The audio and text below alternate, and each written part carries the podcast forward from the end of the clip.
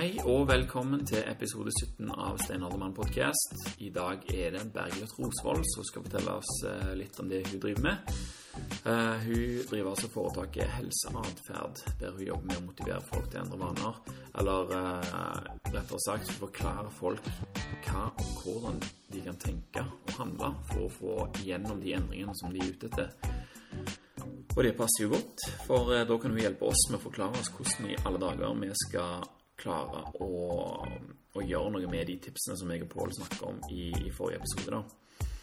Eh, I tillegg så har jeg akkurat lagt til et arrangement nå på Facebook inne på Steinaldermann der, så om du vil holde deg oppdatert på, oppdatert på hva folk driver med underveis, så kan du gå inn på Steinaldermann på Facebook og finne arrangementet der.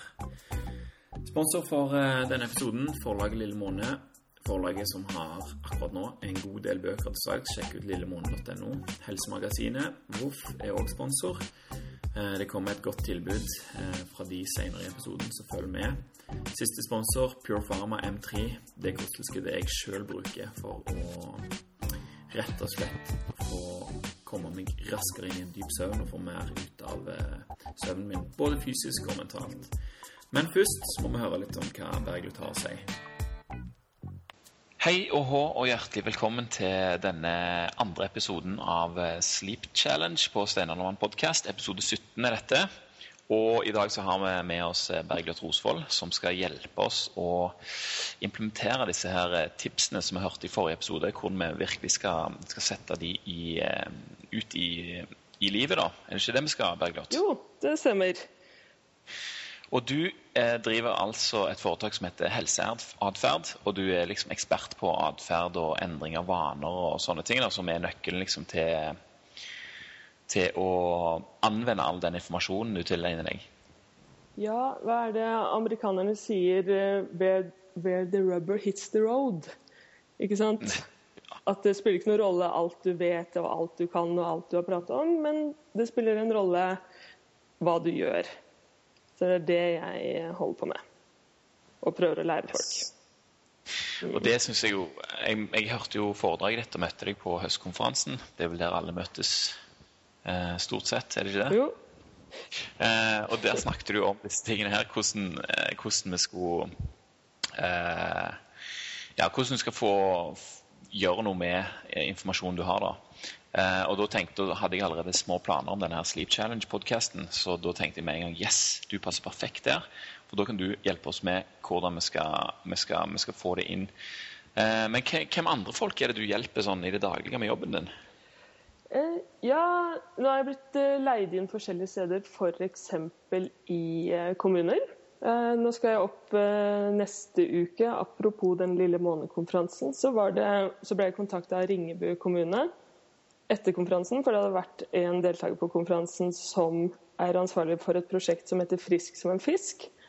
Eh, der de jobber med damer som er overvektige, eh, og som har høyt sykefravær, altså ansatte.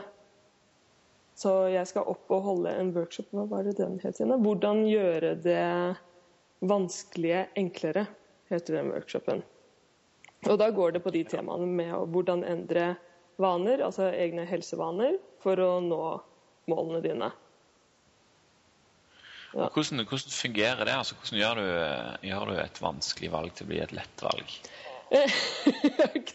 skal vi ikke bruke en hel time på det? jo, vi skal vel egentlig det.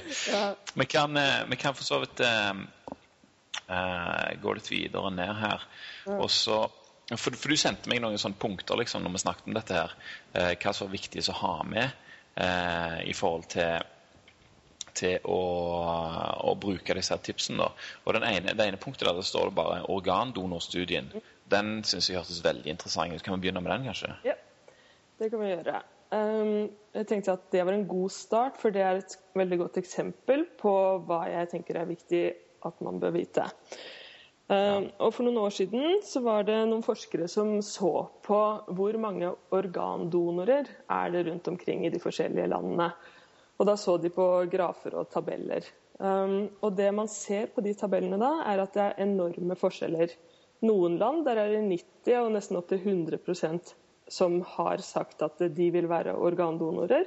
Og så er det helt ned i 2% og 4% i andre land. Og så ser de på f.eks.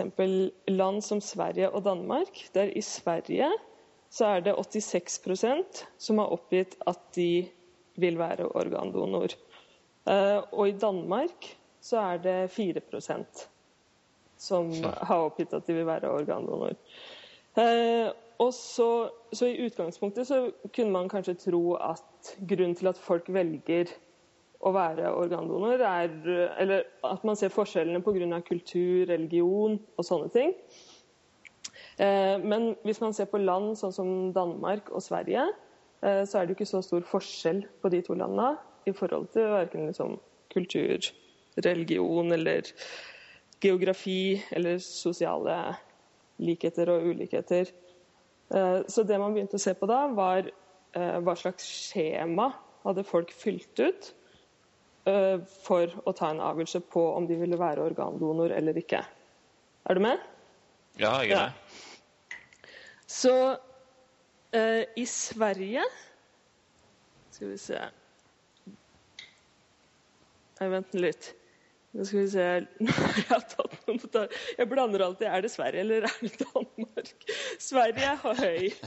Uh, og uh, Sverige har høy prosent. 86% Og de fikk valget da Hvis du ikke vil bli en organdonor, kryss her. Ikke sant? Mm. Mens Danmark, skjemaet som danskene skulle fylle ut, er hvis du vil bli organdonor, kryss her. Akkurat. Så i Sverige så var det liksom Du var allerede en organdonor, men du måtte liksom fraskrive deg eh, hvis du ikke ville. Ja, var Følelsen folk fikk. Ja, og i begge tilfellene så må du gjøre eh, en aktivitet, altså kryss her, eller eh, trykk her, klikk her. Eh, og mens det de fleste gjør, er jo å velge det vi kaller for default, eller det de sier på engelsk, at man velger standard. Ja. Man bare lar det bli det det blir, eller det som allerede er bestemt. Uh, og det kjenner vi igjen i sånne hvordan innstillinger er på datamaskin, f.eks. Eller mobiltelefoner. Ja, til fabrikkoppsett og sånt har vel alle vært borti. Ja. Sånn at man, man, gjør ikke så mye med det, man bare lar det bli sånn som allerede bestemt. ikke sant? Mm -hmm. Default, som de sier på engelsk. Um, og så sånn Man skulle jo tro at man eh, Eller sånn, vanligvis sånn som vi prater, da, at man spiller på etikk og moral, og man sender ut holdningskampanjer osv., men at det kanskje ikke har Det påvirker oss ikke så mye, men det er omgivelsene som påvirker oss, eller påvirker atferden vår. Og sånn som i det eksempelet her, så er det et skjema som påvirker et ganske viktig valg. Mm -hmm. Og Det ene skjemaet forteller at du allerede er en del av et samfunn der alle er organdonorer, liksom, mm -hmm. men du kan melde deg ut av den klubben. Mm. Ja. Hvis du ikke vil bli en organdonor, kryss her. Og da går de fleste ved Ja, men da bare fortsetter jeg å være det. Hvis ikke så må jeg mhm. gjøre et eller annet. Det er som, mhm. omtrent som å avbestille et abonnement, da. Det er vanskelig. Ja. vi gjør det ikke, vi lar det bare rulle og gå. Si du får får spørsmål om vil du endre forsikringa di, åh, la det bare være. Ja. Det er mindre arbeid, det. Ja, ikke sant. Så ja. Et eksempel på hvordan vi blir påvirka av våre omgivelser. Og grunnen til at jeg ville bruke det som et eksempel med en gang vi begynte å prate, var for at du kan designe dine omgivelser for å få til riktig atferd. Yes. Så i forhold til f.eks. For hvis du skulle uh, ha brukt et av disse her rådene, uh, at du ikke skal drikke kaffe sent på dagen, hadde du godt ha brukt denne her organdonorstudien med det? Altså liksom, Du går i kaffeselskap klokka fem. Ikke at eh, folk gjør det daglig, da. Men at du får liksom servert kaffe, men egentlig så skal du ikke drikke noe særlig kaffe etter, etter klokka fire. Ja. Uh, ja, for jeg pleier å si um, atferd skjer i kontekst. Eh, og ikke i et vakuum. Så det er alltid noe som skjer Det snakka jeg om på Lille Månes-konferansen, jeg vet ikke om du husker det. Eh, men at det er alltid noe som skjer før en atferd, og noe som skjer etterpå. Eh, så det er det vi kaller for foranledninger, eller signaler, som setter i gang en atferd. Stemmer. Ja, F.eks. hvis telefonen din ringer, så er det et signal eller en foranledning. Og det setter i gang en atferd hos deg, og den atferden det er å se på displayet, som vi gjør nå, eventuelt ta telefonen. Ja. Det er atferden. Og så er konsekvensen eller belønninga at du får prata med noen. Ja. Så det skjer alltid noe først, og det skjer alltid noe etterpå. Som påvirker atferden. ja. Og så er det denne her belønninga som kommer inn i bildet. Ja. Men, og den er jo litt sånn ymse. Men eh, bare for å gå litt tilbake til de her signalene eller foranledningene, så lærer vi eh, at når det skjer om og om igjen, så kommer den belønninga. Ikke sant? At da husker du fra forrige situasjon at nå vil jeg, hvis jeg gjør det, så får jeg den belønninga. Hvis jeg trykker svar på telefonen, så får jeg prata med mora mi. Ja, det er hyggelig. Ja, det er hyggelig. Eh, og så, eh, så i eh, f.eks. med det med kaffe, da. Så er det jo Så man gjerne, forbinder man gjerne besøk eller eh, sånt noe med kaffe. Det er jo vanlig. Og da vil Ja. du få spørsmålet vil du ha en kopp kaffe. Kanskje hvis du går på besøk til noen. Og da er det et signal som kan sette i gang en atferd hos deg. For mennesker de påvirker oss. Mennesker er en stor del av de her foranledningene. Eller en viktig del, veldig viktig del. Sånn det som er lurt, hvis du vil ha et veldig konkret tips i akkurat i forhold til det rådet med å ikke drikke kaffe etter klokka fire, så gjelder det å involvere alle rundt deg og gjøre det offentlig. Det du er i gang med. Så når du først kommer på besøk, så er det liksom forklare Jeg eh, holder på med et eller annet her nå, så jeg kan ikke ha kaffe etter klokka fire. Ja. Da er det liksom, da er det ute av der, og du trenger ikke bekymre deg for når du eventuelt skal bli tilbudt kaffe. For du har allerede bestemt, liksom. Ikke sant? Og så vil du eh, De vil i tillegg hjelpe deg. Folk vil jo gjerne at andre skal greie ting og mestre ting. Så de vil kanskje 'Å ja, du var ikke du inne på den der challengen. Jeg har kjøpt noe te til deg.' Sånn er jo folk. Ikke sant? Ja, ja, ja. Eh, Og så vil de gjerne spørre deg, hvordan er det liksom, og kanskje dette er noe for meg. Så da vil de jo spre seg òg, kanskje. nettopp. Sånn, eh, og dere har jo allerede oppfordra folk til å bli med på utfordringa. Og ta sånn hashtag-ting. Sånn kids gjør på Instagram og sånn. Kids, uh, hashtag sleep challenge, hashtag Sten podcast. Det stemmer. Ja, og det er jo lurt, for da, da gjør du det offentlig. Så det er det andre som følger med på deg også, så da blir det mer forpliktende enn hvis du bare gjør det eh, med deg sjøl. Eller bare har en avtale med deg sjøl. Så det er bare til å tagge i vei. Ja. Men det er også lurt å gjøre det offentlig i forhold til de du omgås eh, i virkelige liv. Ja. Sånn at de vil hjelpe deg og kanskje bli med også. Og det er jo spesielt lurt å gjøre det med familien din. ja, så klart. Ja. Det er jo det første. Ja. Og så venner, og så kjente. Og så Ja, ikke sant? kolleger òg er vel ganske, ganske viktig. Ja. ja, sånn som da jeg hadde en vanlig jobb, så var jo folk veldig vant til at jeg ikke spiste kaker på hvert eneste møte. Så da sendte de det bare forbi, og av og til så var det noen som hadde kjøpt inn nøtter og sånne ting. ikke sant? Så Ja. folk tar jo hensyn. De tar seg av den, eh, den rare i laget. Ja.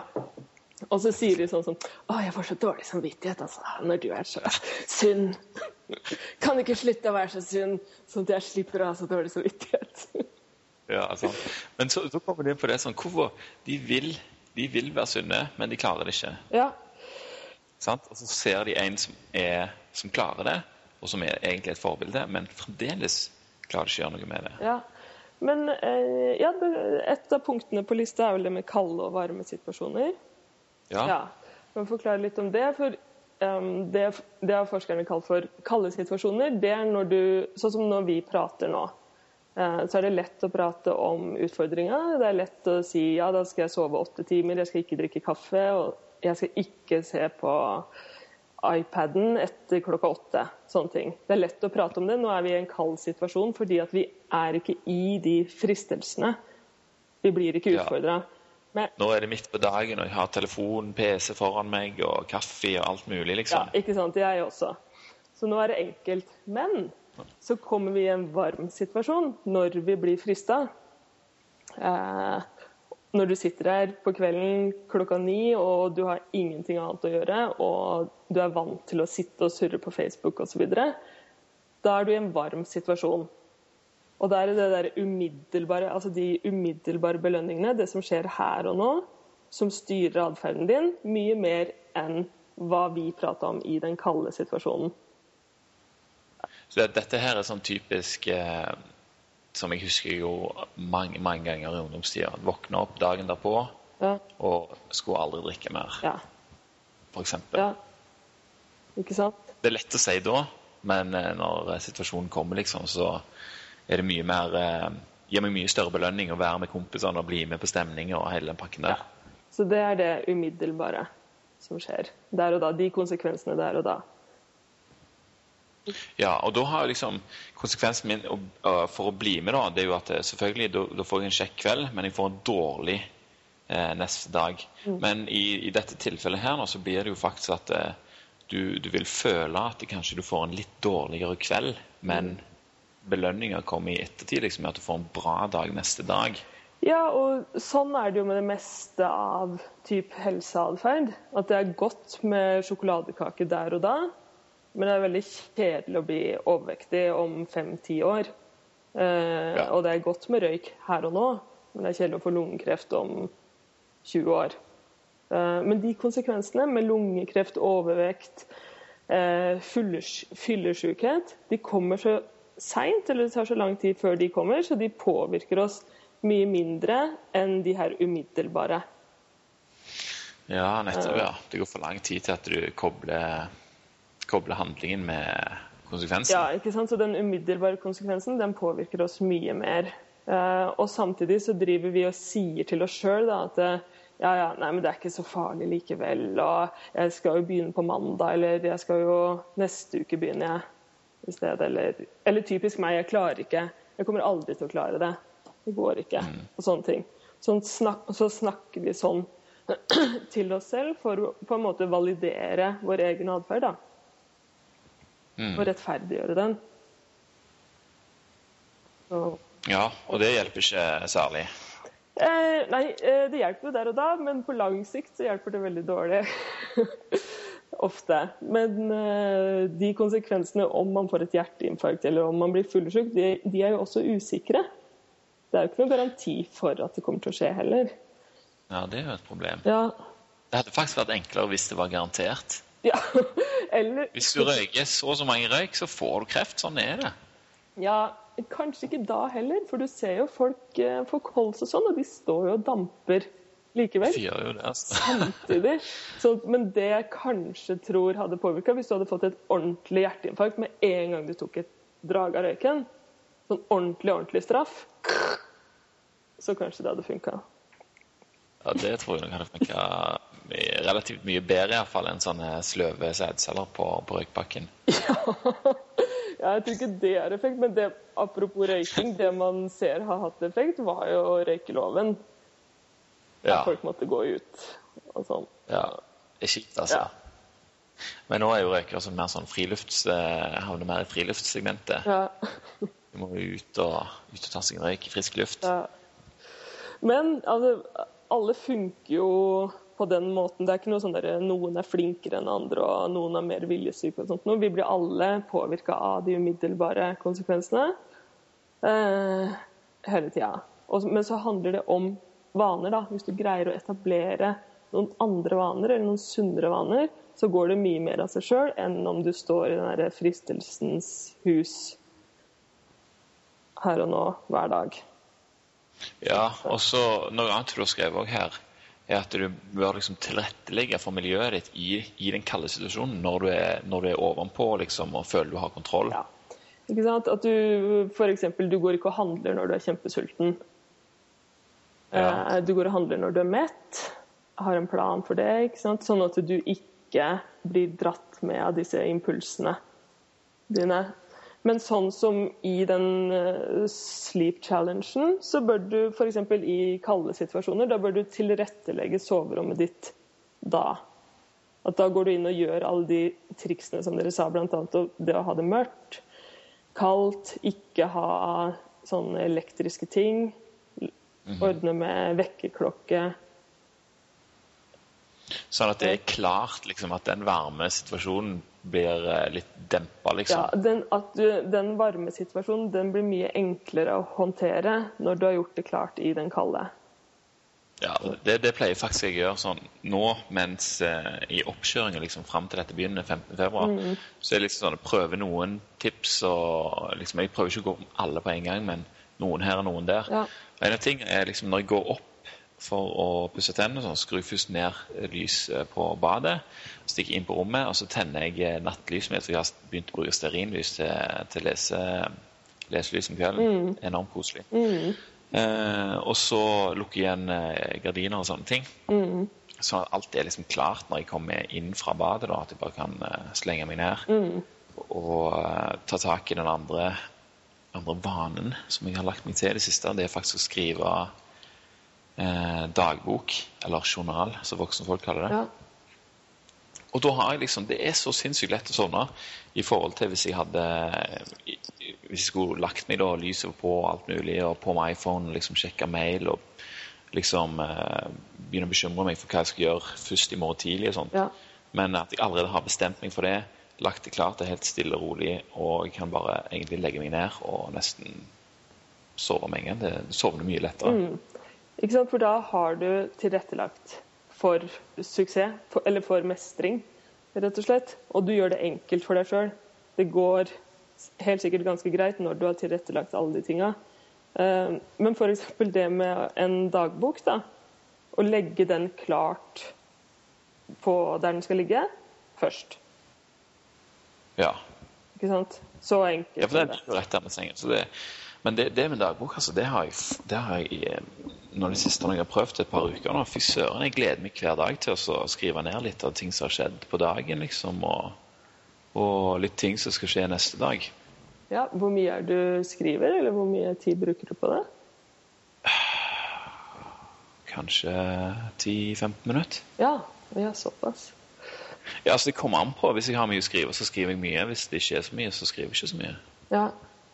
Det er liksom helt uh, Jeg har ikke noe sånt satt i sånn tidsramme, liksom, men at jeg iallfall skal notere noen ting. da, Så noterer jeg noen ting om ungene mm. og liksom familieliv og sånt. Noen ting om eh, jobb, og noe om kanskje sånne andre ting da, som i forhold til atferd, faktisk, som jeg har tenkt på i morgen. Ja. F.eks. hvis jeg har hvis jeg tenker at i morgen skal jeg stå opp sånn og sånn, og da har jeg allerede lagt klart frokosten til ungen, liksom, som den er lett å lage og sånne ting, så noterer jeg det bare ned, sånn at det, du liksom minner deg på det. Så skjer det automatisk neste dag. Ja, det er akkurat det. Det skjer automatisk. Og det er jo fordi du har gjort alle de andre tinga på forhånd.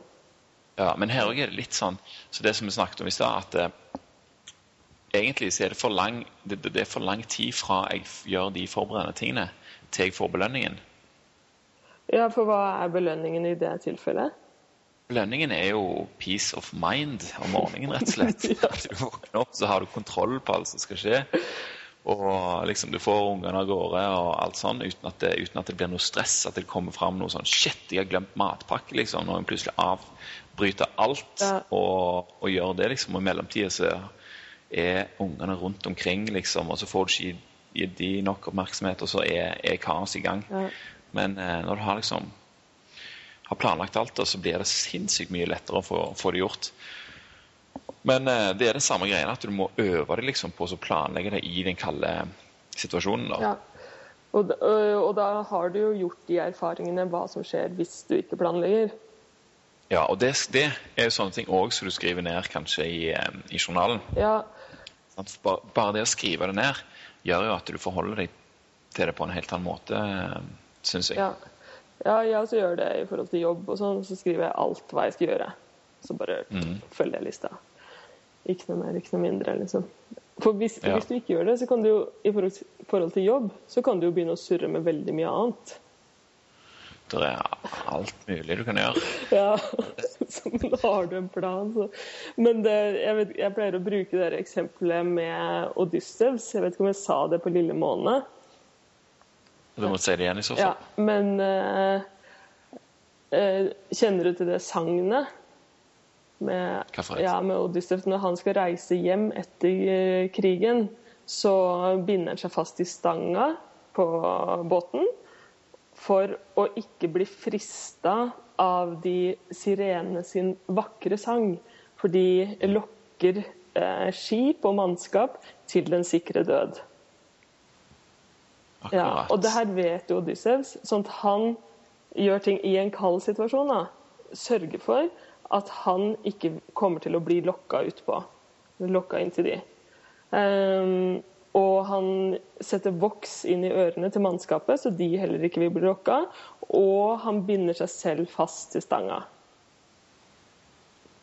Sånn, og Det er et veldig godt eksempel på at man eh, av og til må man binde seg sjøl fast i stanga for å ikke gå på alle fristelser og alle impulser som vi er omgitt av hele tida nå. Ja. For vi lever jo i en verden som kanskje vi ikke er skapt til å leve i.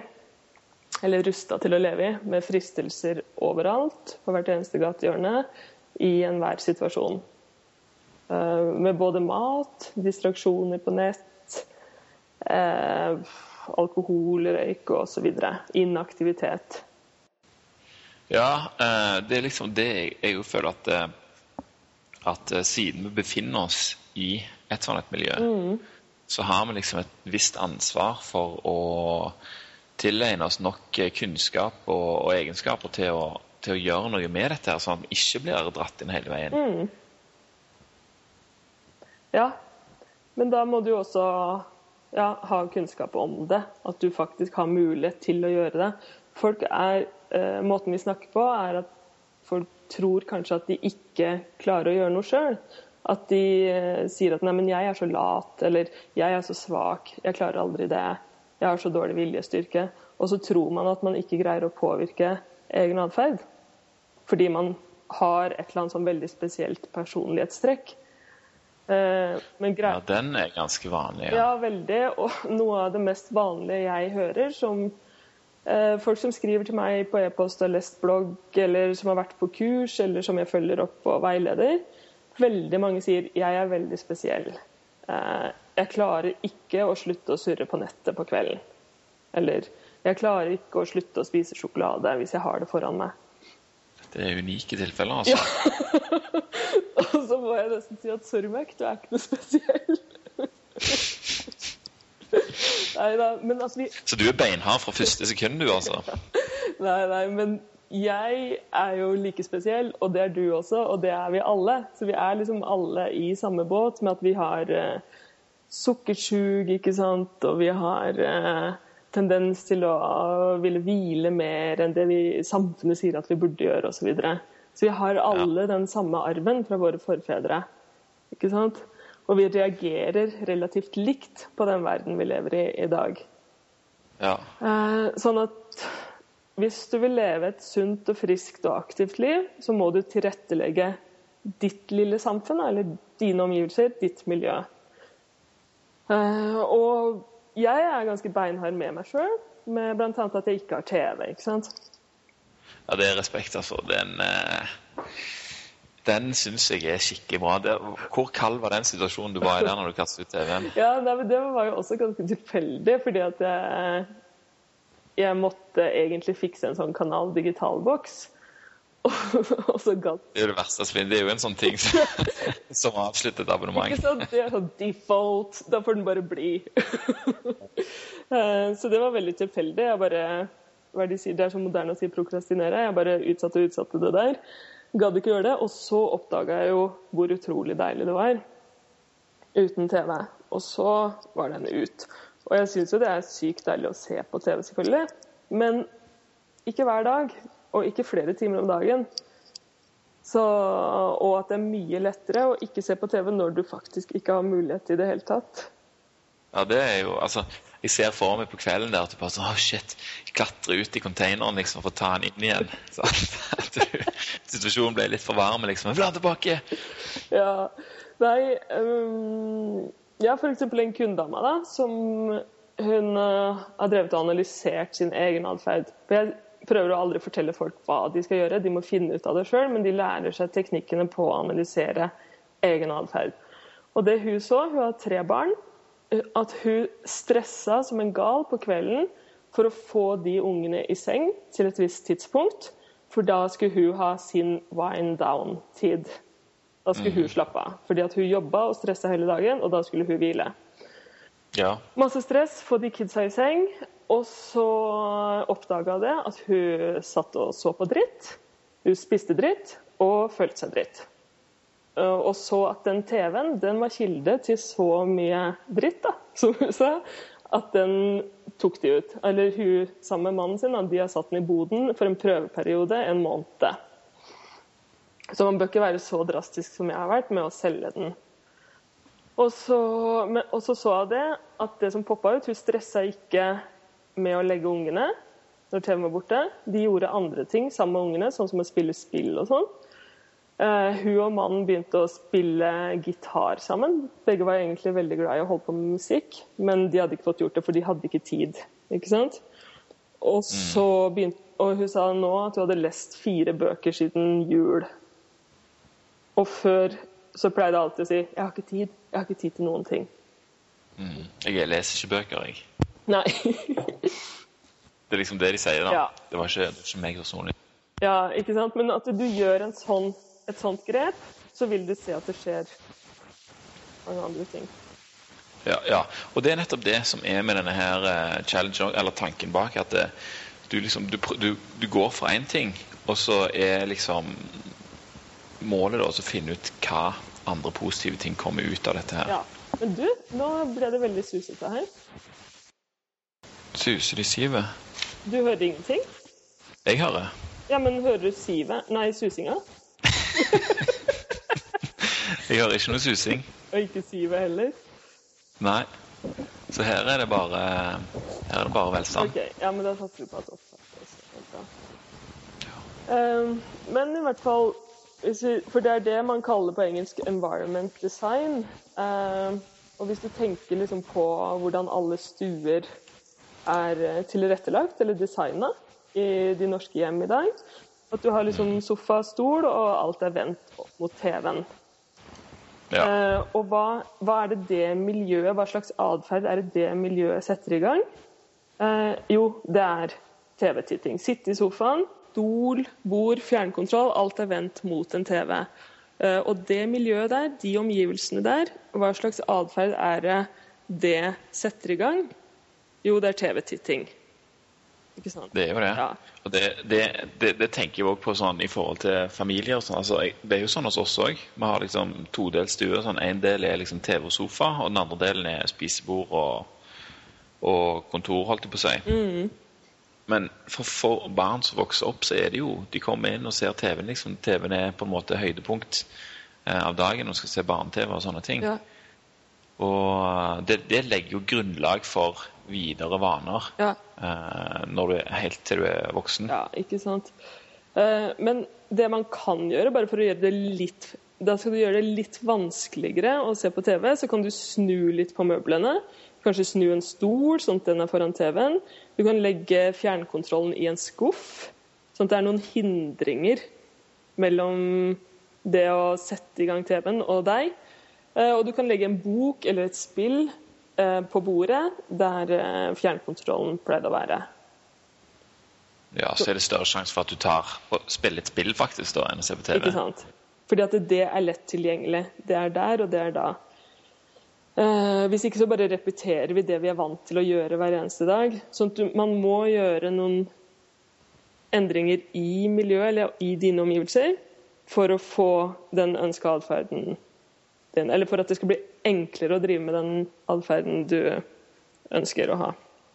Ja, Og så har du bonusen. sånn så Jeg merker jo så utrolig godt at hvis vi ikke ser på TV en, en kveld, Ja, eh, meg og kona mi, så prater vi jo sammen, ja.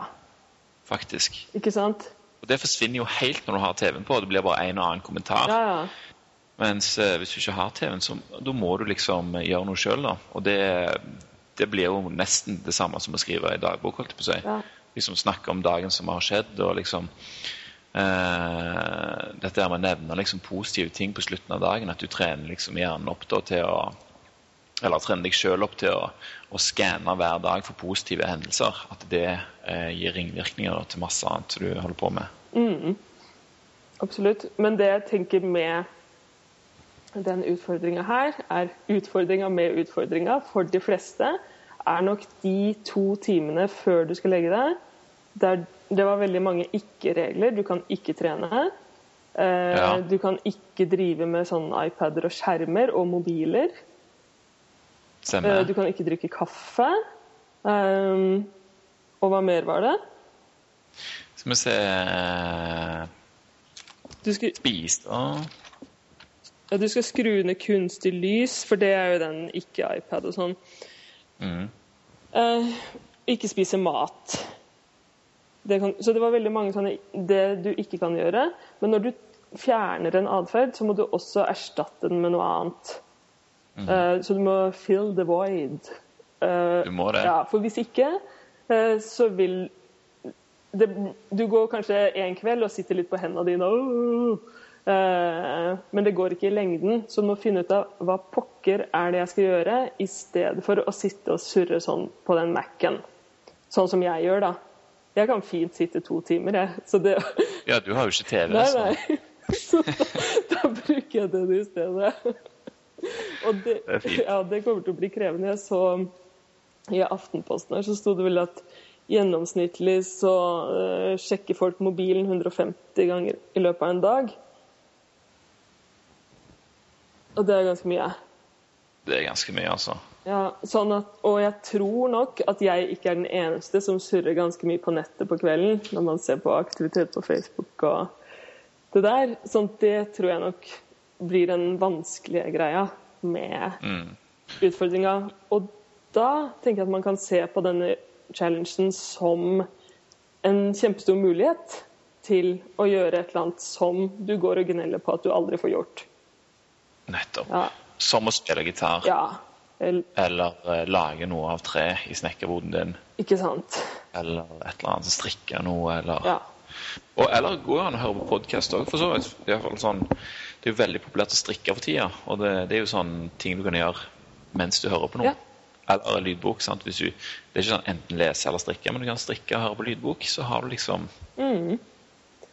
noe å holde på med. Ja, og alltid ha en plan for hva du skal gjøre. Hva skal du erstatte det med? Og så um, gå tur og høre på podkast. Og som du sier, da, være sosial. Prate. Ja, det er veldig undervurdert.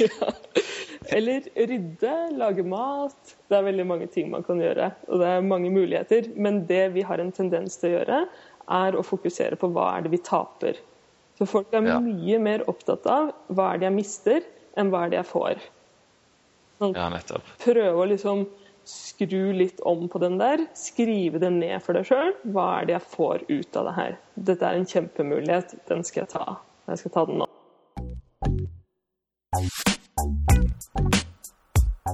Vi tar en liten pause for å snakke om sponsorene våre her. Jeg var inne på forlaget Lille Månes nettside og myste litt her tidligere, og der fant jeg en god gammel favoritt av meg. Veldig god bok, så jeg kunne tenkt meg å snakke litt om. Eh, Det er Dale Carnegie sin bok 'Hvordan vinne venner', sånn heter på norsk. Eller 'How to win friends and influence people'. Eh, og Den boka der er fra 1937, men jeg vil si at den er ganske nøyaktig like aktuell i dag som da, hvis du har interesse for å lære litt om teknikker, rett og slett. Eh, Hvordan du skal snakke for å få oppnå det du ønsker, da. På en hyggelig måte, selvfølgelig. Jeg har lest den et par ganger sjøl, og kommer garantert til å gjøre det igjen. Mange tror at hvis du har hvis du har liksom lest ei bok, så er du ferdig med det. Men eh, akkurat som med filmer, serier, dokumentarer eller eh, andre ting, så sitter du ofte igjen med forskjellige inntrykk. Eh, og noen ting kommer klarere fram når du har fått gått gjennom det igjen. Liksom. Det kan godt være at du ikke fulgte helt med, liksom, så, så plutselig så har du gått glipp av et godt poeng. Men uansett, denne boka her er ei sånn ei bok som, som kan leses om igjen og om igjen. Og du kan liksom bare trene deg sjøl på å minne deg på disse teknikkene, da. Veldig, veldig gøy. Eh, ellers så har de òg Thomas Rode Andersen sin eh, første bok, 'Tilbake til røttene', til salgs nå til bare 199, så der kan du få deg ei fantastisk kokebok eh, med det samme. Helsemagasinet er òg sponsor for episoden, og det er når jeg, jeg tenkte meg om litt i stad, fant jeg ut at det er omtrent det eneste bladet jeg har lest de siste årene. Det er alltid gode artikler med rot i vitenskapen, med kanongode forfattere som går liksom akkurat passelig i dybden. Alt er jo eh, kildehenvist osv. Eh, og så satt jeg og tenkte litt tilbake på første gangen jeg leste et sånt blad, og den artikkelen som stakk seg fram, det var eh, en artikkel som handler om jording. Og dette var rett etter jeg hadde funnet ut om barfotløping, og sånn, så den traff meg jo rett i, rett i hjertet. Og dette med jording, da, det handler jo om hva som skjer med kroppen når du ikke er i daglig kontakt med jorda. Og det gjelder jo faktisk de fleste av oss. altså Vi er jo stort sett inne i huset. Så tar vi på skoene før vi går ut, sånn, som blir liksom skjerma fra, fra, fra, jorda i, med gummien i skoen. Settes kanskje inn i bilen som går på gummihjul, og så går vi inn i et annet hus. Og sånn fortsetter det. Uh, og etter jeg hadde lest den artikkelen, så har jeg liksom på en måte endra litt vaner, rett og slett. At jeg blir mye flinkere til å benytte meg av sjansen til å gå ute barbeint, om det er sommer eller vinter eller høst, vår, samme det. Men eh, hvorfor snakker jeg om denne gamle artikkelen her? Jo, fordi at alle som er abonnent av Helsemagasinet, får tilgang til absolutt alle tidligere utgaver på, på nettet. Så kan du bare laste den ned på PDF.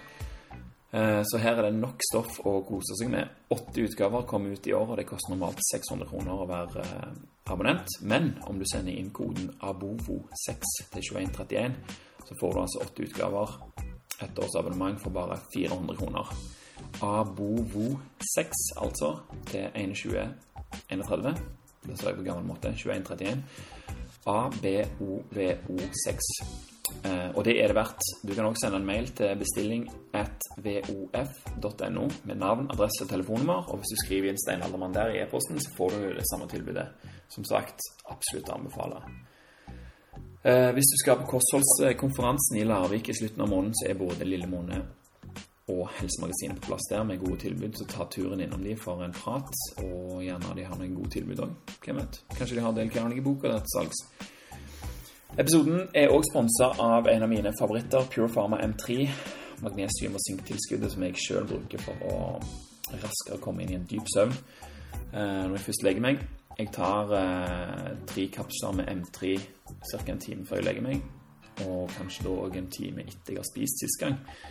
Eh, det som skjer da, er at eh, du rett og slett havner Du blir trøtt, og du havner raskere inn i en sånn dyp søvn som du da trenger å være i for å restaurere optimalt, både fysisk og, og mentalt. Eh, så den bruker jeg så å si hver dag. Eh, det hender jeg glemmer det, men, eh, men, det går som regel greit. Hvorfor hvor får du tak i det? Purefarma.com, selvfølgelig. Og barefootjuice.no. Eh, på barefootjuice.no kan du bruke rabattkoden steinaldermann for 10% avslag på hele ordenen. Og du får jo mest for pengene hvis du kjøper noe som heter Powerpack, som er tre flasker av hver Pure Pharma-sort. Det er omega-3 D-vitamin og M3. Eh, og det ryktes både for meg og andre at når du tar M3 på kvelden, så kan du vente deg heftige drømmer i løpet av natta. Så tenk litt på det før du hiver innpå. Men nå må vi vel tilbake til Bergljot.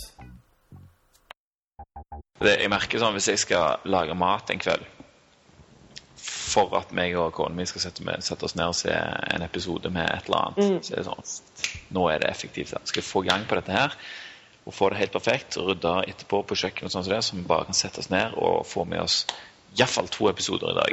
Siden det er effektive, liksom. og, eh, og da har jeg allerede hasta med å stelle ungene og så få de til å sovne. sant? Ja. Og, og, før det så har jeg stikket hastet med noe annet for å legge til rette for den dårlige, dårlige vanen. da. Ja. Og eh, jeg, her på, på, søndag Jeg var alene hjemme med ungene i helga. Og på søndag så bestemte jeg meg for at vet du hva, i, lørdagen var jeg ikke fornøyd med meg sjøl hvordan jeg hadde eh, løst ting. Liksom. Jeg følte ikke jeg var tålmodig nok, og at det gikk utover egentlig kvaliteten som på tida til både meg og ungene. Ja på søndag bestemte jeg for nå skal alt være helt annerledes. Bare la jeg vekk telefonen og Nå tok meg tid til annet, liksom, og bare prøvde å ikke tenke på hva som skulle skje senere. Og det jeg satt igjen med nå, altså, det var en ganske annen følelse enn, jeg, enn hva jeg hadde hatt dagen før. Ja. Men hvilke ting var det du gjorde da? Du la bort telefonen? Og Jeg la bort telefonen og bestemte meg eh, for å ikke tenke på ting som jeg vanligvis tenker. Og hvis du har lagt vekk telefonen, så er det som regel eh, ganske mange ganger at du tenker på telefonen. ja. Eller hvis du skal sjekke den, liksom, jeg må tenke på om jeg må sjekke telefonen.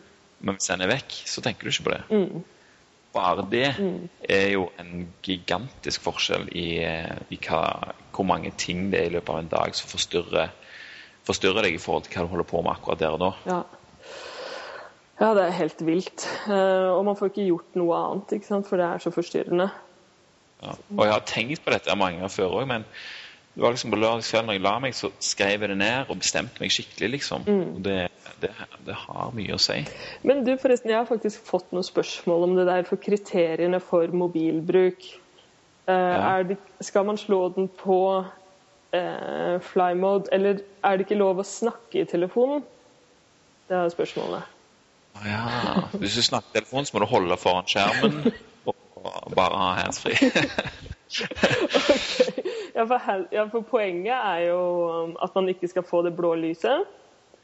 ja, det er et av poengene. Ja, Men også sant, når man surrer på telefonen, så blir man jo stimulert og aktivert, og kanskje man begynner å liksom stresse.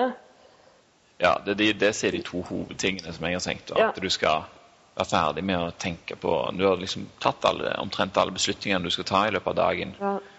Sånn at du kan eh, roe ned. For med en gang du ser en link, sånn, så går du inn på den, så leser du, ok, blir du interessert, så klikker du kanskje videre, og så kommer det en film av en eller annen katt som detter ned fra sengen seng, eller noe sånt.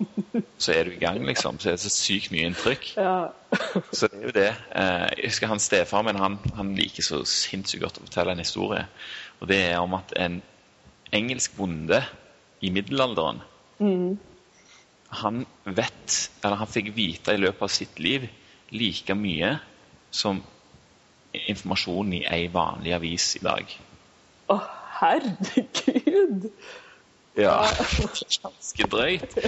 Det som jeg kan tenke meg, er at han var ganske, ganske chill, egentlig. Han hadde ikke mange bekymringer. Nei, nei. Men de han hadde, var selvfølgelig veldig viktige. da. Ja, ja, ja. Men det, åh, det hørtes deilig ut. Ja, sant det. Så det går litt på det òg. Eh, liksom ikke få så mye informasjon hele tida. For aller mesteparten av det du, det du leser eller klikker på, eller til og med nyheter Jeg har jo slutta med nyheter for lengst. Ja. Du kan ikke gjøre noe med det. Nei, ikke sant? Og jeg har også slutta med nyheter, for du blir helt sånn der Å, herregud, verden, den går rett åt skogen. Uh. Ja, det har han gjort Ja. så lenge det fantes nyheter. Ja, ikke sant? Og du vet jo ikke forskjell på Ok, var det her i Midtøsten i 1985, eller var det fra i går? Ja. Uh, sorry. Men et annet så der, uh, statistikk jeg leste her om dagen, er at barn i USA de ser mer på TV fram til de er seks år, enn de bruker av tid til å snakke med sin egen far i løpet av hele livet sitt. Ja, herregud. Ja, Det er smertefullt. ja det er smertefullt i farshjertet. Fy søren, den kjente jeg, altså. Ja. Før du er seks år. Ja, så har du sett mer på TV enn Du vil bruke tid på din egen far. Ja. Ja. Ja. Det, det er skummelt, altså. Eh, en annen ting, det, Dette opplevde jeg i går, faktisk. hvor meg og Barbro skulle se på det Tjukken og Lillemor. Eh, det hadde vi på opptak, og det syns eh, hun er veldig kjekt. Og, OK, vi ser på det. Og så var det jo veldig koselig. liksom, Det var disse her to. Og selvfølgelig var det på opptak, så klarte jo å spole over alle reklamene. Eh, så det var liksom bare det innholdet i, i den serien. Men så når det var slutt, så kom det over på sånn Ja, takk for nå, Tjukken og Lillemor, liksom. Det var hyggelig, det. Og så bang! Rett på en sånn uh, nyhetsreklame, liksom. Det var noen som var skutt og drept og et eller annet sånn langt vekk, liksom. Som ikke har noen ting med meg å gjøre i det hele tatt. Ja. Men jeg, jeg, siden jeg har vært vekke fra det nå en stund, altså nyheter og sånne ting Når jeg først får det da rett i trynet etter et sånn et koselig program, Ja. så føles det ganske sånn eh, voldsomt ut, altså. ja. Og det, det forklarer bare litt om hvor vanlig det egentlig har blitt. Ja, At eh, vi er vant med å se sånne forferdelige ting hele veien. Ja, det er litt sånn vi, I atferdsanalysen sier man betinging. At du forbinder noe med noe annet. Og du kan jo oppleve å ha de samme responsene i forhold til en historie som om du opplever det sjøl. Du kan begynne å gråte å høre en trist historie, selv om du ikke har opplevd det. Ja. Eller du kan begynne å gråte og bli trist av å tenke på at noen du er glad i, skal dø, selv om du ikke har opplevd det. Mm. Og jeg husker at jeg også så på noe, eller leste en avis eh, der overskriften var en eller annen fyr som hadde kledd seg ut som en dame for å drepe eksen sin. Eh, det var en sak for noen måneder siden. Jesus. Ja, og da merka jeg at jeg ble redd. Når jeg satt og leste det. Ikke sant? Jeg reagerte som om det skjedde med meg. Du ble redd for drag queens? Det skulle komme en utkledd mann i kjerringklær og drepe meg. Men det, det er så glimrende eksempel på hva, hva, eh, hva som kan skape frykt, Ja. og hvor, hvor unødvendig det var for deg å være redd eh, pga. noe du hørte. Ja, ikke sant? Og ehm, apropos det, da, så er det jo det her med sammenligning, at vi sammenligner oss med andre hele tida. Og da vi bodde og levde i steinalderen eller i, eh, ute i naturen, da, i små grupper med kanskje 100 personer, så var det veldig hensiktsmessig å kunne sammenligne seg med andre. Eh, og hele tida tenker passer jeg inn her, er jeg like god som de andre, og forme atferden sin etter de andre. For hvis du ble utstøtt fra gruppa, så lå du dårlig an. ikke sant? Du ikke Ja, det var krise. ja, ikke sant? Du fikk ikke mat, du fikk ikke reprodusert deg osv. Det tok ikke lang tid før ulvene fant deg da. Eh, Men hjernen vår fungerer jo sånn fortsatt eh, i det moderne samfunnet. Så vi driver hele tida og sammenligner oss med andre. Men nå sammenligner vi oss ikke bare med den lille gruppa vår, vi sammenligner oss med hele verden. På nettet og på TV. Eh, sånn at Hver gang når jeg ser på en eller annen eller før da, når jeg så på en eller annen serie, jeg kunne se på Grace Anatomy, da, spennende serie med sånne spennende leger og sånn, så fikk jeg den følelsen å faen, jeg må gjøre noe med livet mitt. Jeg er ikke bra nok, ikke sant. Jeg, jeg burde ha en mer spennende jobb, fordi at jeg har sett de andre på TV ha spennende jobber. Ja. Sånn at eh, Og det å bli få de der synsinntrykka og se på TV, sjekke Instagram, Facebook, alt det her hele tida, jeg tror ikke det er så bra for psyken, rett og slett. For da begynner vi bare å sammenligne. Og dra oss sjøl ned. Nei, ikke bra nok. Ja, det- Jeg må bli like pen som hun, eller like kjekk som han, og ha sixpack og sånn. ja. Så har det egentlig ingenting med deg å gjøre. Nei, nei. Nei, men vi vil passe inn, da. Ja. Vi vil ikke bli utstøtt og være aleine med ulvene. Vi gjør masse rart for å passe inn i en gruppe.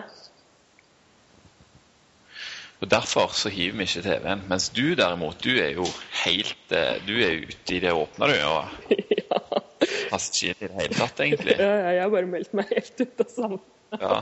Men Hvordan er det i Norge, da? Er du, er du organdonor, eller er du ikke? ja, ikke sant, who cares? Men uh, uh, det var det jeg skulle si. Altså, det med design for å få og Nå prater jeg meg litt på viddene, merker jeg. Men jeg tenkte jeg skulle Ja. bruke et eksempel på Popkornmannen. Som jeg har skrevet et uh, punkt med 'design for laziness'. Eh, og der er det en forsker som eh, bruker det som et eksempel for seg sjøl. Han ville ha popkorn i eh, sin tilværelse. Han var veldig glad i popkorn, men han ville ikke spise så mye som han risikerte å gjøre hvis det var veldig tilgjengelig. Så det han gjorde, var at han tok popkornet ut i garasjen, klatra opp på en stige, la opp popkornet på øverste hylle. Og så gikk ned og inn igjen. Sånn at når han da i en varm situasjon, da måtte den gå gjennom veldig, veldig mange ledd for å komme til popkornet. Eh, Sånn at det er lurt å lage mange ledd mellom deg og TV-en, iPaden, mobilen. Om du legger den i en Yes. skuff, eller om du legger den i et annet rom, eller eh, om du setter igjen laptopen på jobben, f.eks. Går an. Ikke har det med i det hele tatt. Eh, og så gjør du det enkelt å lykkes. At du har det klart for deg hva du skal gjøre. Du har den takknemlighetsboka di klar, du har lys klart, du har eh, en plan for hva du skal gjøre som alternativ i de Ja. to timene. Og da blir det liksom, hvis du sitter, ligger ja, i de to timene, altså når du først legger deg, eh, og, og kanskje ikke får sove med en gang, så, er, så må du faktisk stå opp og gå ned og hente telefonen. Ja. For, Det er jo helt klart mye større sjanse for at du ikke gidder å gjøre det. ja, ja, ja. Det å ha telefonen liggende på nattbordet, det er jo krise. Det er det. Eh, Da Det letteste du gjør da, det er å gjøre det du alltid har gjort. Ta ut hånda, sette i gang. Det er nettopp det. Og så, og så har du et annet aspekt av det òg, da. Dette her, Jeg leste en eh, eh, En artikkel om eh, at når vi først blir skilt fra iPaden og, og iPhonen, så får vi angst. Og Ja, Så det er jo- litt å passe på. Shit, jeg får ikke sjekket det, liksom. Ja. Det, det er jo litt enklere når du faktisk har bestemt, bestemt deg for det sjøl. Ja. Men at eh, bare sånn at folk er litt obs på det, at de kan få en smule angst av dette. Ja, det er i hvert fall ubehagelig. Og, og sånn derre sjekking det, har jo alle, det er jo alle symptomer på avhengighet, sånn som vi definerer avhengighet ellers. Så Ja. med alkoholisme og røyking og rusmisbruk. Ja, det er jo akkurat det samme. Jeg merker det sjøl. Hvis jeg føler jeg er sånn sinnssykt god, så kommer ungen hjem, og så legger jeg telefonen vekk, liksom. Ja. Og så, når jeg er tilbake med han, da, så er det sånn Åh, åh, ja, hva har skjedd? Og så få det i gang, liksom, og så har det gjerne ikke skjedd så mye. Så er det liksom åh, det, Ja. det var det, liksom. Jeg hørte faktisk på radioen i går at det går an å kjøpe seg likes. Har du hørt det? Jeg har hørt at det går an, ja. Ja, At det er en sånn app. som- Var ikke det noe sånt som Stoltenberg gjorde en gang i tida? Å, herregud, nei, jeg vet ikke. Det vet jeg ikke. Jeg tror det kom fram når det, når det var helt nytt, liksom, at du kunne liksom bare gå inn på sida, og så poff, så fikk du 10 000 ekstra likes. Herregud. Ja, for det her var sånn foreldre som kjøper ekstra likes til ungene sine for at ungene skal føle seg mer populære. Altså, Vi ser jo hvor dette her ender hen, folkens. Vi kan ikke holde på sånn som dette her. Vi må velge den andre veien. altså Den litt til høyre. Less travel. Det er ikke det han sier, han Robert Frost. Ja, og så, eller Av og til så må vi liksom gå et skritt tilbake da, og se på livet ditt. Hva er det jeg vil at livet mitt skal handle om? Og det er jo sånn at Livet vårt det er jo de dagene. Det er i dag og det er i morgen. Det er det som skjer her og nå. Og så summen av alt, det blir veldig stort. Ja. Eh, Så hvis vi går litt ut og ser Ok, nå har jeg sett alle episodene på Netflix. Yay! Er det det er det det du vil at livet ditt skal handle om? Og jeg skjønner, Det er sinnssykt deilig å bare sitte en episode til og kos, kos, kos. Eh, men hvis vi ser det litt i perspektiv, så vil vi kanskje ikke at det er det det skal handle om. Ja. Tenk deg da å kunne bytte ut en daglig eh, episode. Si at en, en episode er 40 minutter. Hvis du legger inn en daglig eh, aktivitet som varer 40 minutter, og du gjør det i ett år, da er du i ferd med å bli en ekspert på det du holder på med. altså. Ja. Si, si at du har brukt 40 minutter på å spille gitar eller munnharper, sånn som jeg gjør av og til. Ser du for deg det? Faktisk. Så jeg har spilt munnharpe munnharper 40 minutter per dag. Så hadde jo jeg blitt steingod. Ja, ja, ja. Men hvor mye hadde jeg fått ut av en 40 minutters episode på Netflix hver dag? Nei, ikke sant. Jeg hadde jo selvfølgelig hatt det slappet av og alt dette her, liksom. Men sånn langsiktig så får du ikke noe veldig mye mer, kanskje, hvis du ser enormt eh, gode dokumentarer. Ja. Men, eh, men det er noe med det, sånn som hun med gitaren, altså, at, mm. at du gjør faktisk noe som gjør at du, at du blir på en måte mer. Eh, og det, ja, for det blir jo mer tilfredsstillende å gjøre noe sjøl, å gjøre noe aktivt, enn å sitte som en sånn passiv consumer. Ja, og ikke- minst å klare noe. Ja. Um, ja, men man må ja, finne ut av det, da. Og hvordan man skal gjøre det. Og da er det det å legge det bort. Så, jeg så en um, Facebook-post her om dagen faktisk om hjelp, jeg har blitt en uh, Jeg greier ikke å trene, og jeg greier ikke å skrive bacheloroppgave. En student, da. Jeg ser bare på Netflix. Og så kommer det mange tips. Ta tida hvor lenge du sitter ni, ni, ni, ni. Så skriver jeg da avslutt Netflix-abonnementet. Break free. Slutt å tulle, liksom. Oh, nå kommer Queen-sangen rett inn i hodet på meg her. Ja, men um, det er hardt der og da, men på lang sikt så kanskje det lønner seg.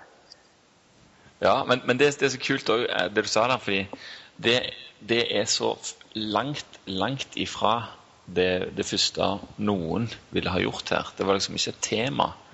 Du må liksom avslutte Netflix-abonnementet. Ja. Det er liksom Hvordan skal jeg klare å fremdeles se episoder, liksom, men uh, allikevel gjøre det jeg bør gjøre? Ja. ja, vi vil jo gjerne ha pose og sekk og trillebag og hele pakka.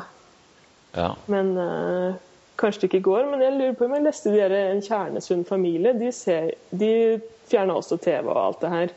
Men så ser de kanskje én gang i uka eller noe, da. Og da blir jo det en så høytid og høydere at de bare koser seg gløgg. Ja, nettopp. Eh, for det mister jo litt effekten, den der kosen, når du gjør det hele tida og har tilgang på det hele tida også. Mm. Ja, det er jo sånn i forhold til unger og iPad og sånt òg, at det liksom det skal være hvis, hvis det er begrensa, så er det jo nyttig. Mm. For de må jo lære seg selvfølgelig ny teknologi og sånne ting. Mm. Men det skal jo være en glede med det, liksom, ikke bare sånn Dette gjør jeg liksom når jeg er når jeg ikke gjør noe annet, uansett. Mm. Du får liksom aldri ut, utfolde uh, dine egne tanker, liksom, for du er hele veien opptatt med noe som skjer på, på en skjerm. Mm. Mm. Men det folk kan gjøre helt konkret, er jo sånn som jeg kommer til å gjøre, f.eks., er å slå av Mac-en min. Det gjør jeg nesten aldri. Uh, legge den inn i en mappe. Legge den inn i et annet rom. Uh, sånn at den ikke er så utrolig tilgjengelig. Ja. Uh, sånn at jeg må gå gjennom en god del skritt for å komme dit. Og så er det jo da, kan, kan det jo være også et tips å legge, eh, legge noe der som Mac-en sto, da. F.eks. Eh, en gitar. Ja. Noe annet. Sånn at du har noe der, liksom. For eh, dette her med, med å gjøre det vanskelig å få tak i det som du vil bli kvitt, Mm. Det er jo akkurat det samme å gjøre det tilgjengelig, det som du ønsker å bli bedre i. Ja. ja, du har skjønt det. Du bare sier det enda bedre enn meg. Ah, takk for det. Veldig bra. Ja, men så enkelt skal det sies. Ja. Det var jo Jeg hørte i USA annet at sånn impulsshoppere Et triks som de gjør, er at de putter kredittkortet sitt i en pose med vann. Og putter det, den posen i fryseren, sånn at eh, kortet fryser ikke sant? i vann. Så at du får, Det er jo et jævla stort problem at folk shopper og shopper. Ja. eh, og bruker penger de ikke har. Så når du får den impulsen da, på at du gjerne vil shoppe noe, så må du vente til eh, det har smelta. Og da har du kanskje fått roa deg. eh, Ja, ikke sant? Og da har gjerne impulsen gått over. Og all den her eh, sjekkinga på nettet og meldinger og e-post og sånn, det er jo bare impulser, det òg. Mm. Det er jo det. Så å ja, kontrollere impulsene på en annen måte gjør det lettere enn å sitte rett foran sjokoladekakestykket, liksom. Mm. Og du, Går det an å hacke det litt? Går det an å eksempel ta Hvis du legger inn en, eh, en, eh, en eh, påminnelse, f.eks. klokka åtte, liksom. Eller på halv åtte, da. Ja. Liksom, nå er det på tide å roe ned, liksom, og ja, begynne å tenke på å gjøre det du skal gjøre før, før du skrur av denne her om en halvtimes, 40 minutters tid. det så eh, Mark Sisson gjør jo det. Det Ah. ja. leste jeg vel om, eller hørte. Han, eh, han har ikke vekkerklokke for å stå opp om morgenen, men han har en alarm på når han skal begynne å roe seg. Ja, Eh, nettopp. For han trenger ikke klokke. Han bare våkner naturlig. Men han er jo Mark Sisson da. Ja, men han er et forbilde. Ja, absolutt. ja. Så eh, Det bør man absolutt gjøre. Og det man absolutt også bør gjøre, er fordi at det her er ganske mange råd. Nå huska ikke du og jeg de råda engang når vi skulle Nei. eh, si de. Så det må man ha veldig tydelig for seg, og da må man skrive de ned og ha de hengende på kjøleskapet f.eks. Eller Eventuelt printe de ut. ja, printe de ut. Det går også an. De ligger på steinaldermann.no. ja. Sånn at man hele tida får den påminneren. Fordi at vaner, det er jo det vi gjør automatisk. ikke sant? Vi bare repeterer gårsdagen. Men når du skal bryte ut av de vanene, eh, så må vi bli litt røska ut av det, og da må vi ha sånne påminnere. Hva er det Ja, så, så det kan være en van, hvis, det, hvis det er en vane å se litt på, de, på den lista der, da, Mm. så vil det liksom jobbe seg inn mye enklere. Ja, du blir jo minnet på kursen din hver morgen. Uh, og, og vi har en god tendens til å ikke greie å holde fokus, rett og slett. Ja. Og hoppe over på en ny idé eller noe annet. Og nei, kanskje jeg heller skal gjøre det. ja, ikke sant? Men nå skal vi holde denne utfordringa i 30 måneder, så da må du ha fokus. Og en måte å ha fokus på er å ha det Var det ikke 30 det dager? Du sa måneder. Men. OK, vi tar 30 30 dager. dager. Ja. Ja, ja, men funker det, så vil man jo fortsette, kanskje. Ja, og, og det er litt av poenget òg. Sånn at her har vi liksom 30 dager der vi skal prøve så godt vi kan. Mm. Og så kan vi heller liksom se eh, hva for noen av disse tingene her vil du ta med videre liksom etterpå. Ja. ja, og for mange, og for meg sjøl, så er det veldig ønskelig å få litt orden på søvnen. Så Ja, Forhåpentligvis så viser det seg at det er en av de mm, liksom få store tingene du kan gjøre som vil gi veldig mye tilbake. da. ja. Eh, Jeg leste en studie nå på at folk der det- folk var testa, deltakere som sov fire timer eh, natta, seks eller åtte. Eh, Og hvis du sover bare seks timer en uke, så presterer du like dårlig kognitivt og mentalt på tester som om du ikke har sovet i 48 timer. Ja, Den leste jeg òg. Det syns jeg var veldig interessant. Ja, og, og eh, det som også er interessant, er at folk merker det ikke. Mm, det er nettopp det. De tror at de presterer like bra, Ja. mens resultatene viser noe helt annet. Ja. Og det viser bare hvor, hvor lett det er for oss å bli vant med Ja. eh, den tilstanden vi, vi befinner oss i. ja, ikke sant? Og da tror vi at ja, nei, men det her er helt normalt, og jeg fungerer helt fint. Og så vet du ikke hvordan du kan fungere optimalt. Nettopp. Jeg så en dødskul TED-talk eh, om ei dame som fortalte om at de hadde låst en hel gjeng med forsøkspersoner ned i en bunkers. Og om hvordan de, eh, de eh, hadde sovet sånn det var mørkt hele tida der nede, tror jeg. Eller et eller annet, iallfall. Ja. Som gjorde at de bare seig tilbake til en sånn helt naturlig eh, døgnrytme. Ja. Og at når de kom ut igjen, så var det liksom Jeg har aldri vært skikkelig våken før nå. Og det er ille. Tenk deg at det kan være Det kan være alle oss. ja. At vi aldri faktisk har vært skikkelig våkne og, og vet hva potensialet som egentlig ligger i oss. ja. Og det synes jeg var Da fikk jeg motivasjon altså, for å virkelig eh, legge meg i selen litt. Grann, og så ja, kvitte meg med noen dårlige vaner og, og se om jeg kan få mye mer ut av dette. Ja. Hm. ja, det er veldig bra. Men tilbake til de konkrete rådene. Du, nevnte det her, altså slå av PC-en og så ha den, i et annet rom eller legge den igjen på, på jobben. Det kan være én ting. En påminnelse. Det kom jeg med. En litt forslag. Påminnelse om at du, må, at du snart skal roe deg ned. Ikke akkurat når du skal, tror jeg, men eh, litt grann i forkant. Ja, og så må du ha en plan når du skal legge deg Og og så er det to timer, ikke sant. Det må jo folk velge selv. Ja da, så klart. Ja. Vi skal ikke være sånn superstrenge her, men uh, iallfall prøve oss litt, eh, prøve oss litt fram. Andre ting, sånne helt konkret, så du kan, kan gjøre. Printe ut uh, eller skrive ned på et ark alle, alle de syv tipsa. Ja. Og, og gjøre det offentlig at du er med på det her. Fortelle det til folk. Få hjelp fra andre. Uh, Det er jo ikke bare sånn at det alltid er like enkelt å sovne. Eh, Og det er jo veldig mange av oss som sliter med det man kaller med insomnia, eller sliter med å faktisk falle til ro og sovne. Eh, Og da er det et tiltak som er et atferdsanalytisk tiltak som man har kalt for stimuluskontroll. Som har veldig god effekt hvis man gjennomfører det. Eh, Og det vil si at man skal betinge senga med søvn. Og bare søvn. Og sex er lov. Eh, Og når jeg sier betinget, så altså at man forbinder eller assosierer senga med bare den aktiviteten, og ikke noe annet. Eh, Sånn man skal ikke forbinde senga med våkenhet. Og det folk som ikke får sove, det de gjør, er at de tror at ja, men bare jeg får hvilt litt, det er bedre enn ingenting. Og så blir de liggende veldig lenge i senga. Folk ligger gjerne ni-ti timer i senga. men sover kanskje bare fem av de timene. Og da eh, forverrer man bare problemet. Ja, ja, så da, da er du vant Da gjør du egentlig kroppen vant med å være våken i senga? Ja, ikke sant?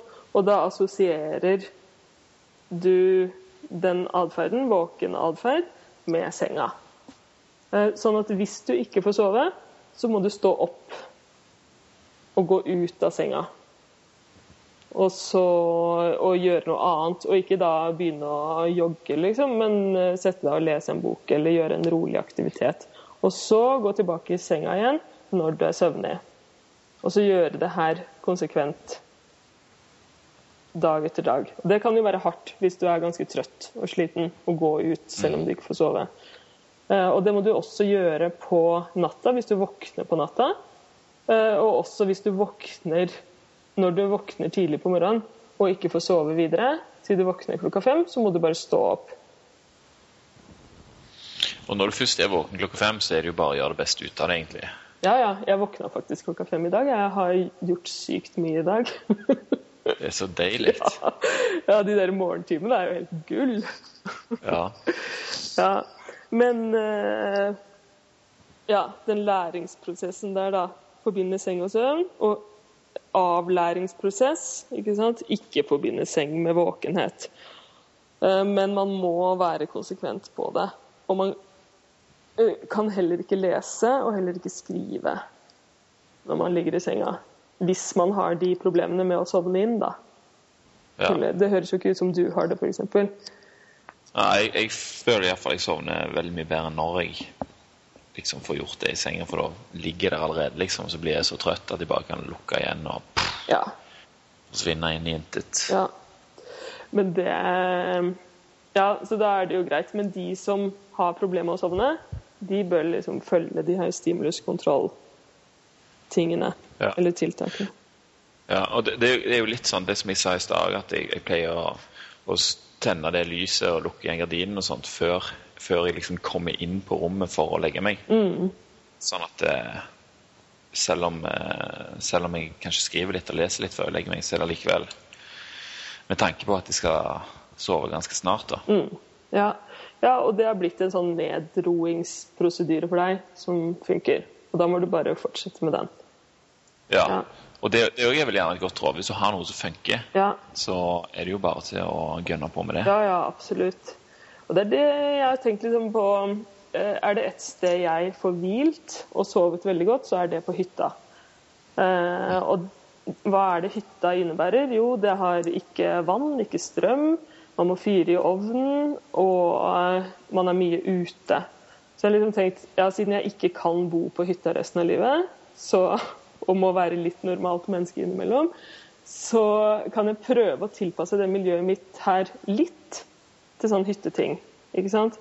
Eh, Ja. Fyr i peisen på morgenen, sånn som du snakka om det her med å starte dagen. da.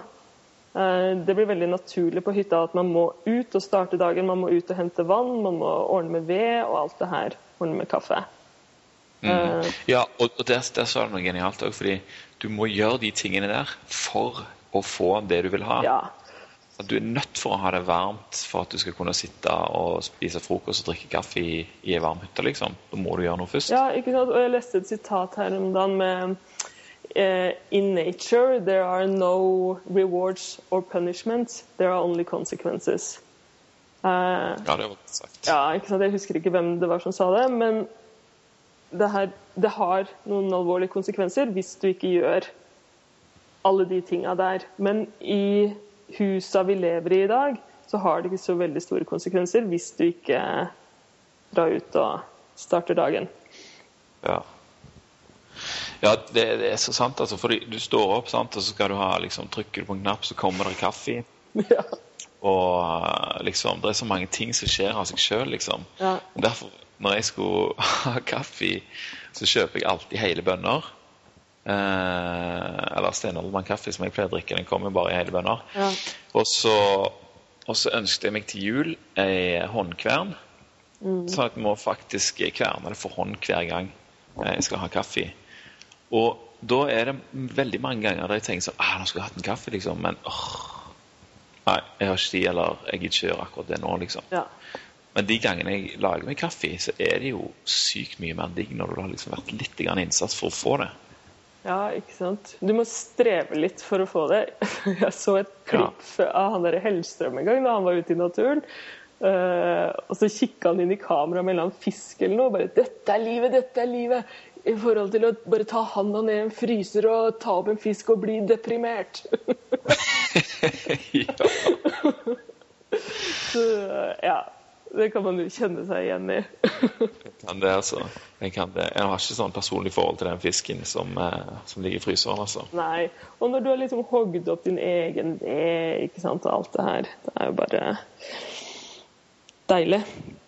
Ja, det er så. Og det, det skaper jo altså Sånn tenker vi mat og, og alt, egentlig, sånn som du gjør noe for. Det, blir, det blir ikke bare kjekt å gjøre det, men liksom hvis du da skal sp- ah, Sånn som du sier, den gangen du fyrer opp den veden, så er det liksom Far, denne veden var jeg og henta liksom, langt oppi der og hogd den opp, og nå har den tørka i, i vedskjulet, liksom. Og det er fint å sette pris på resultatet av det du har gjort. Ja, absolutt. Jeg var jo tre uker i Alaska en gang, i villmarka.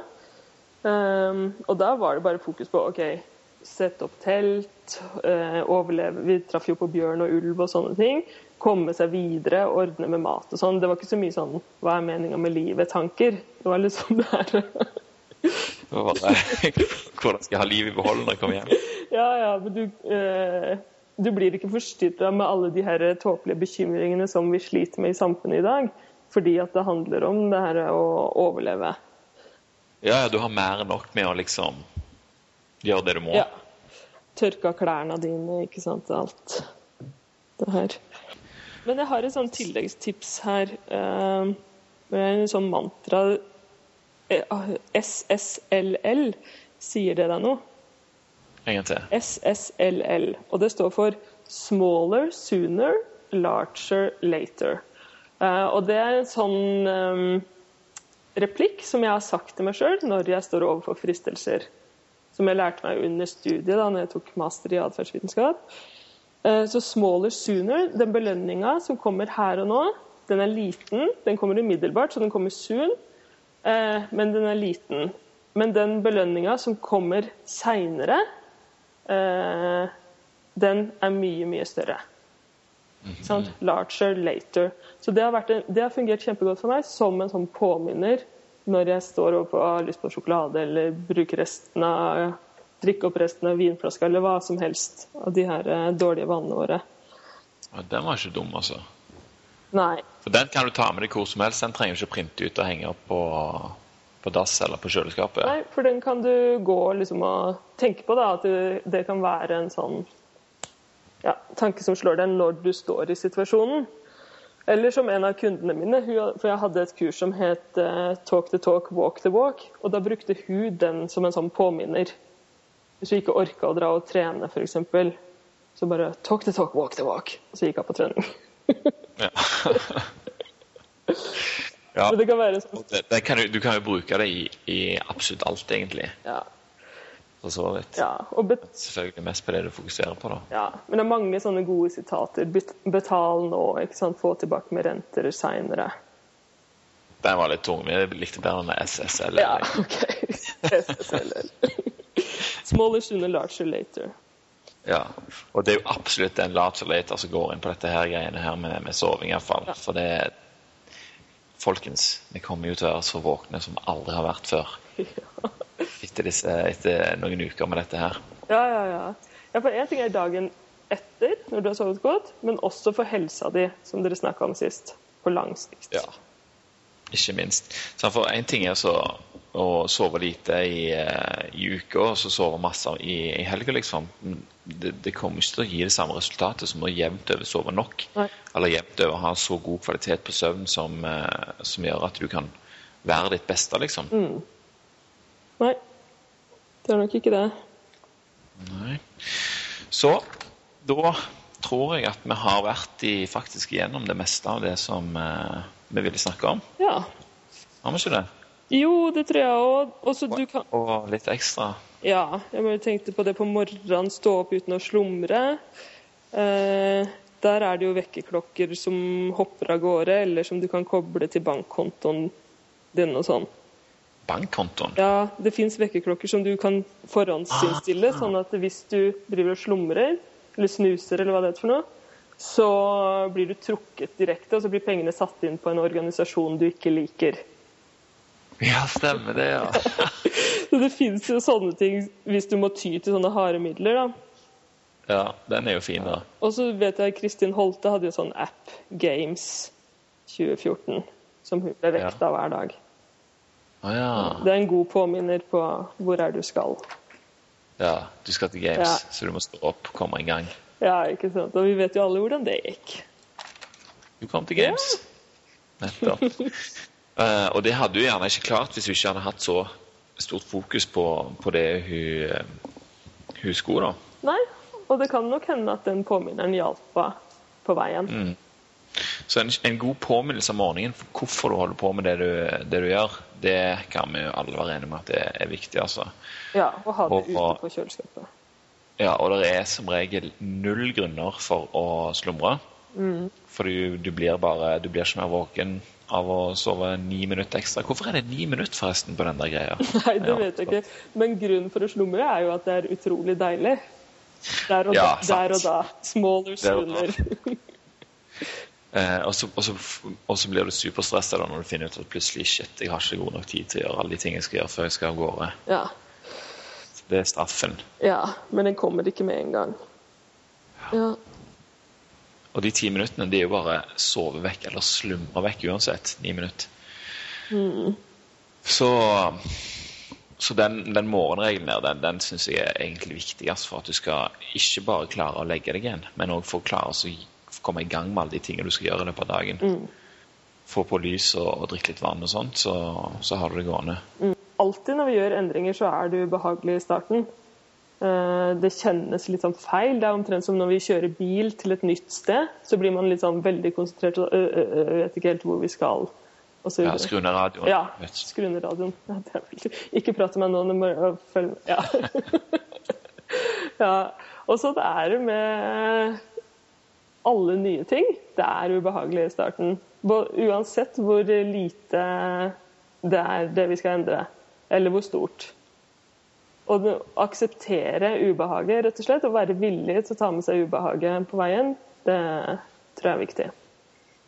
Ja, og så òg eh, hver en minste positive ting du får ut av det valget. Liksom. Altså, det kan være hardt med valget, men hvis du merker noe positivt, så liksom bare hold litt fast med den tanken der, og liksom virkelig tenk over at det er dette som er følgen av det ubehagelige som de har gjort tidligere. Ja, Så blir det lettere å forsterke den Ja, og gjerne det som dere snakka om sist, med å registrere og dokumentere det du gjør. Eh, og så å skrive ned en sånn 'I dag har jeg vært flink til det. I dag har jeg fulgt det.' Eller være takknemlig, da. Som du skriver, en sånn takknemlighetsjournal. Eh, Ja. For det vil jo fungere som eh, Hva det heter Houghton-metoden. Altså jo mer du registrerer, jo mer obs blir du på et eller annet. Ja, sant? for da kan du virkelig trekke deg tilbake og se hva du har gjort liksom, de siste, siste dagene, istedenfor å tenke tilbake. For det er jo nesten umulig. Det skjer jo så mange forskjellige ting eh, hver dag, liksom, selv om det kan føles ganske likt ut. Ja. ja, så registrere hva er det som fungerer. Og det her med å gi seg sjøl skryt. Det er også bra. Rose seg Ja, den er, den er ikke dum. Og det, det funker jo denne journalen veldig bra til. Eh, I begynnelsen så tenkte jeg at det var nesten flaut å skrive ting. liksom. Noen ting som jeg var fornøyd med. sånn at Jeg følte ikke jeg kunne, følte ikke jeg kunne gi meg den kreden, liksom. eh, Selv om det, det er jo bare jeg skal lese, liksom. Og hvem er det jeg er over? Ja, er... Så var det sånn, ok, jeg har begynt å skrive litt sånne ting òg, da. Og det liksom det, det, det gjør en forskjell, altså. ja, men det gjør det. Vi har jo vi har en tendens til å fokusere altfor mye på problemer. Uh, og det er greit når du er ute i naturen og treffer på en bjørn for 10 000 år siden. Da må du ha fokus på problemet. Eh, Ja. Og da kan du ikke bry deg om de fine blomstene eller den fine sola. For da Men du må ha forberedt deg på hva du skal gjøre når du havner i den situasjonen. Ja, ja, ja. Ja, det er helt klart. Sånn at du vet hva du skal gjøre. liksom. Du skal opp i et tre eller spille død eller Sånn, hvis du blir forvirra av den der. Ja. Er det ikke spiller død du skal egentlig Nei, se det. ja, det burde Noen, noen bjørner klatrer, andre ikke. Og, sant? Du må vite hva du holder på med der. Ja, det må du gjøre. Men hjernen vår fungerer sånn fortsatt. Så vi eh, fokuserer like mye pro på problemer nå, sånn som vi gjorde da vi traff en bjørn. Han fokuserer like mye på å herregud, jeg har så mye å gjøre, jeg har så mye å gjøre, eller sjefen er så kjip, eller en krangel med partneren. Eller sånne ting. Sånn at det å Ja. skrive en takknemlighetsjournal er kjempelurt, for da greier å manøvrere deg litt bort ifra det der problemfokuset. Så Og, og det er jo egentlig det mye av det det handler om i det store og det hele. da. Liksom ha mindre problemer, takle hverdagen bedre og, og, og nærme deg ditt uh, fulle potensial. Yes, jeg er veldig spent på, på hvordan dette her skal gå med forskjellige folk. Eh, det er mange som har sagt at de skal være med. Eh, det er bare å følge med på podkasten. Jeg kommer også til å gi ut noen eh, oppdateringsepisoder underveis, sånn ca. hver femte dag. Bare litt om hvordan det går, hva jeg har gjort, og hva jeg føler at jeg har fått ut av det jeg har gjort.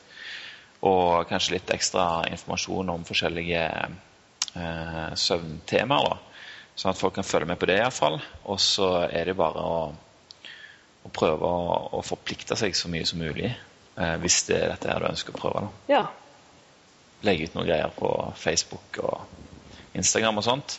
Og følg med på om du klarer å bli sånn som du ønsker å bli. Ja, det høres veldig bra ut. Og jeg tenkte at jeg skal skrive et blogginnlegg om det og de rådene.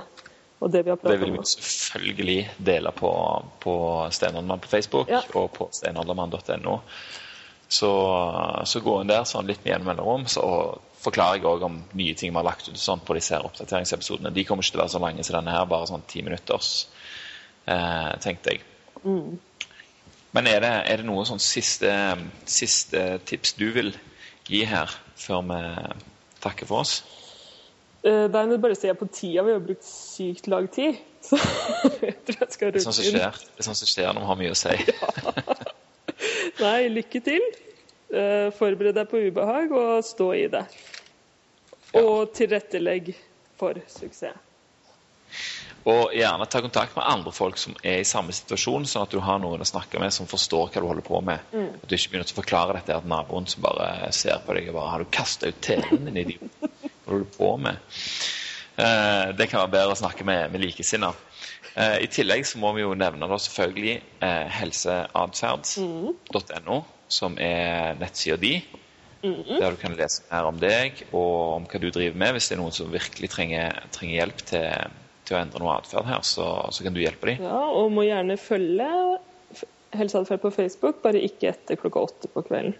Eller ni. Ikke etter klokka, åtte, nei. Det blir, eh, det blir annullert. annullert. Og en annen ting som eh, jeg har gjort, det er å melde meg på det her nyhetsbrevet ditt. For du skriver ut eh, et nyhetsbrev, nyhetsbrev to ganger i uka. Og det funker for meg i hvert fall som en sånn kjempefin påminnelse på, eh, på hva jeg holder på med, og hvorfor jeg gjør det. liksom, Og, og hjelper meg til å keep on keeping on, som er et av mine favorittsitater. Hva syns du om det sitatet? Hva sa du nå? Keep Keep on keeping on. Yeah! Ja, ja. Det er liksom ikke noe stopp. Nei, det er bra. Ja, Så sjekk ut det, altså. Helseatferd.no eller helseatferd på, på Facebook. Ja. Supert. Men da, eh, da må jeg jo bare si tusen takk for at du ville være med og snakke om eh, alt og ingenting, i tillegg til noen tips for hvordan vi kan endre atferd. Mm, bare hyggelig. Veldig hyggelig å være her. Og så gleder jeg meg til å se bildene som du legger ut om eh, med stearinlys og dagbok på nattbordet ditt. At nå er du i gang. Ja. Og skriv gjerne hva man gjør i stedet i de to timene. Og Ja, for der trenger, der trenger nok folk litt tips. ja. Fill the void. Nydelig. Men da, eh, da snakkes vi rett og slett, Bergljot. Jeg eh, tipper at du kommer tilbake her en gang i fremtiden, og så skal vi diskutere Da skal vi ikke ha noen sånn tøyler på hva vi skal diskutere, for da kan vi bare jabbe i vei, sånn som vi gjorde mange ganger her. Havne litt av sporet, men jeg håper at folk fikk noe ut av det likevel. Ja. Da tales vi rett og slett. OK, greit. Ha det. Ha det.